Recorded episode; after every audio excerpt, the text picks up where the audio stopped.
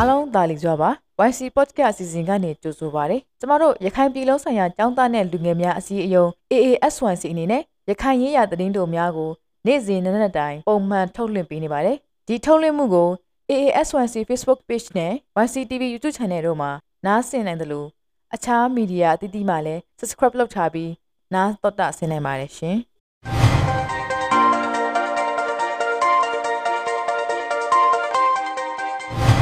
အခုအချိန်ကနေဆက်လက်ပြီးအောက်တိုဘာလ22ရက်နေ့သတင်းတော်များကိုတင်ဆက်သွားမှာဖြစ်ပါတယ်ရှင်။ဘူးသီးတောင်ညတိတောင်ရေချောင်းလန်းနေအကန့်အသတ်မရှိရနာထားတဲ့သတင်း2022ခုနှစ်အောက်တိုဘာ14ရက်နေ့ကနေစပြီးဘောင်တော်အငူမော်လမ်းမှာတိုက်ပွဲဖြစ်ပွားမှုကြောင့်အောက်တိုဘာ15ရက်နေ့မှာပြည်ရင်းရေချောင်းပို့ဆောင်ရေးညွှန်ကြားရေးမှူးဦးစီးဌာနမှဘူးသီးတောင်ရတိတောင်ရေချောင်းလမ်းများကိုအကန့်အသတ်မရှိရနာခဲ့ပါတယ်။ဒါအပြင်မောင်တော်ကညင်ရှောင်းစီးပွားရေးဆောင်မှာ ဘင်္ဂလားဒေ့ရှ်ကိုတင်ပို့နေတဲ့ကုန်ပစ္စည်းများလမ်းကြောင်းပိတ်နေမှုကြောင့်မောင်တော်နယ်ဆက်ကုန်သွယ်ရေးစခန်းမှပုတ်ကုံများကျဆင်းလာပြီးစစ်တွေမြို့နယ်ရွှေမင်းကန်နယ်ဆက်ကုန်သွယ်ရေးစခန်းဘက်မှနေပြီးတော့ဘင်္ဂလားဒေ့ရှ်နိုင်ငံဘက်ကိုတင်ပို့ကုန်များမှာရခိုင်လများတက်ဒေါ်လာ၈သိန်းဖို့ကိုပုံမတင်ပို့နိုင်ခဲ့တယ်လို့စစ်တွေကုန်သွယ်မှုအသင်းတာဝန်ရှိသူများကပြောပါတယ်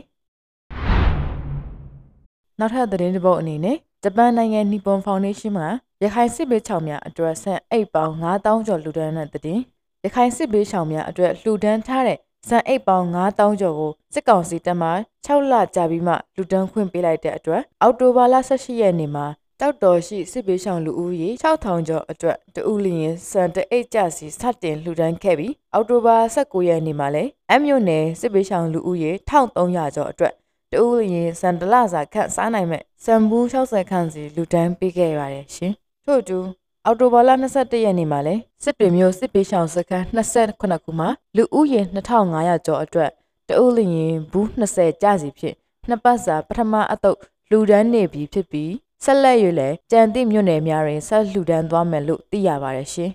ရခိုင်ပြည်အတွင်းစစ်တွေပုံနာကျွန်းကြောက်တော်မြောက်ဦးမင်းပြားအန်းရသိတောင်ဘူးတီတောင်မောင်နှောစတဲ့မြို့နယ်ကိုမြို့နယ်ရှိစစ်ပေးဆောင်စခန်းများမှာ ဒုက္ခသည်များအတွက်ဂျပန်နိုင်ငံနီပွန်ဖောင်ဒေးရှင်းမှဥက္ကဋ္ဌ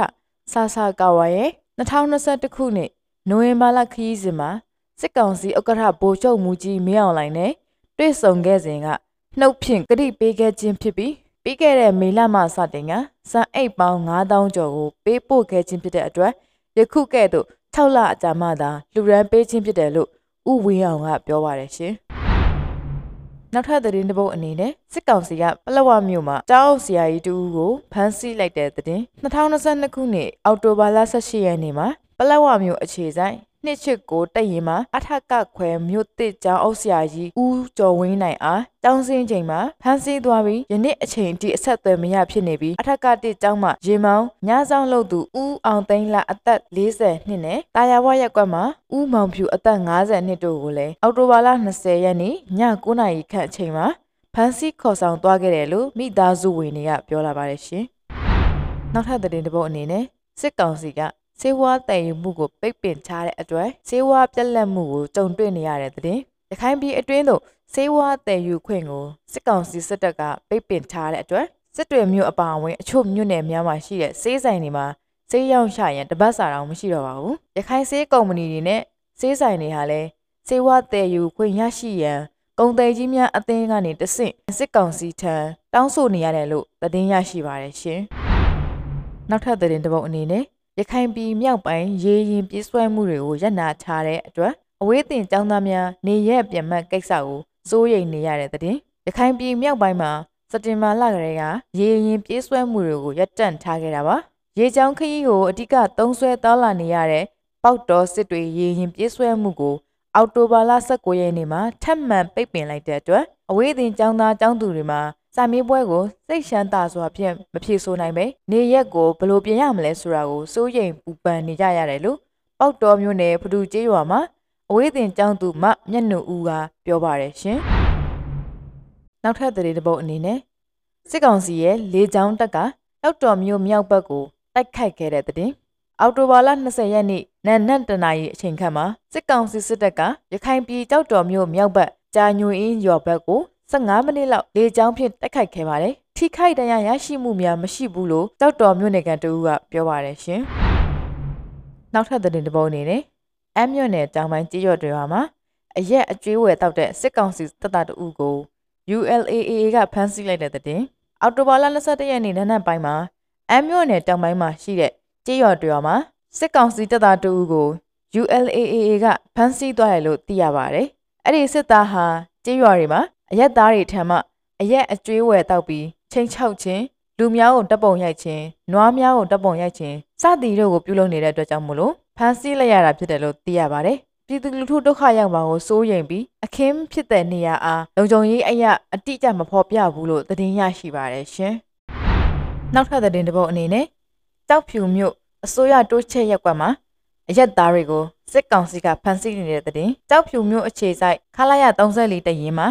အစိုးရတိုးချက်ရက်ကွက်မှာနေထိုင်တဲ့စံထွန်းအသက်32နှစ်အားအော်တိုဘာလ18ရက်နေ့ကဖမ်းဆီးသွားခဲ့ပါတယ်။အော်တိုဘာလ19ရက်နေ့မှာလည်းအစိုးရတိုးချက်ရက်ကွက်မှာကိုကျော်မင်းထွန်းနဲ့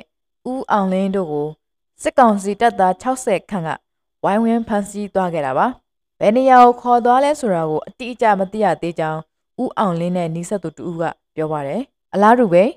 အော်တိုဘာလ20ရက်နေ့မှာလဲမြောက်ဦးမြို့ပြင်စည်းရက်ကွက်မှ ကိုထွန်းထွန်းဝင်းအသက်32နှစ်အားဝါးစည်းတရားမှဆိုင်ကယ်ဖြင့်ဖြတ်တန်းသွားလာခြင်းစစ်စေးရေးလုပ်တဲ့စစ်ကောင်စီတပ်သားတွေကစစ်ဆေးပြီးဖမ်းဆီးထားလိုက်တယ်လို့မိသားစုဝင်တွေကပြောပါတယ်ရှင်။နောက်ထပ်သတင်းတစ်ပုဒ်အနေနဲ့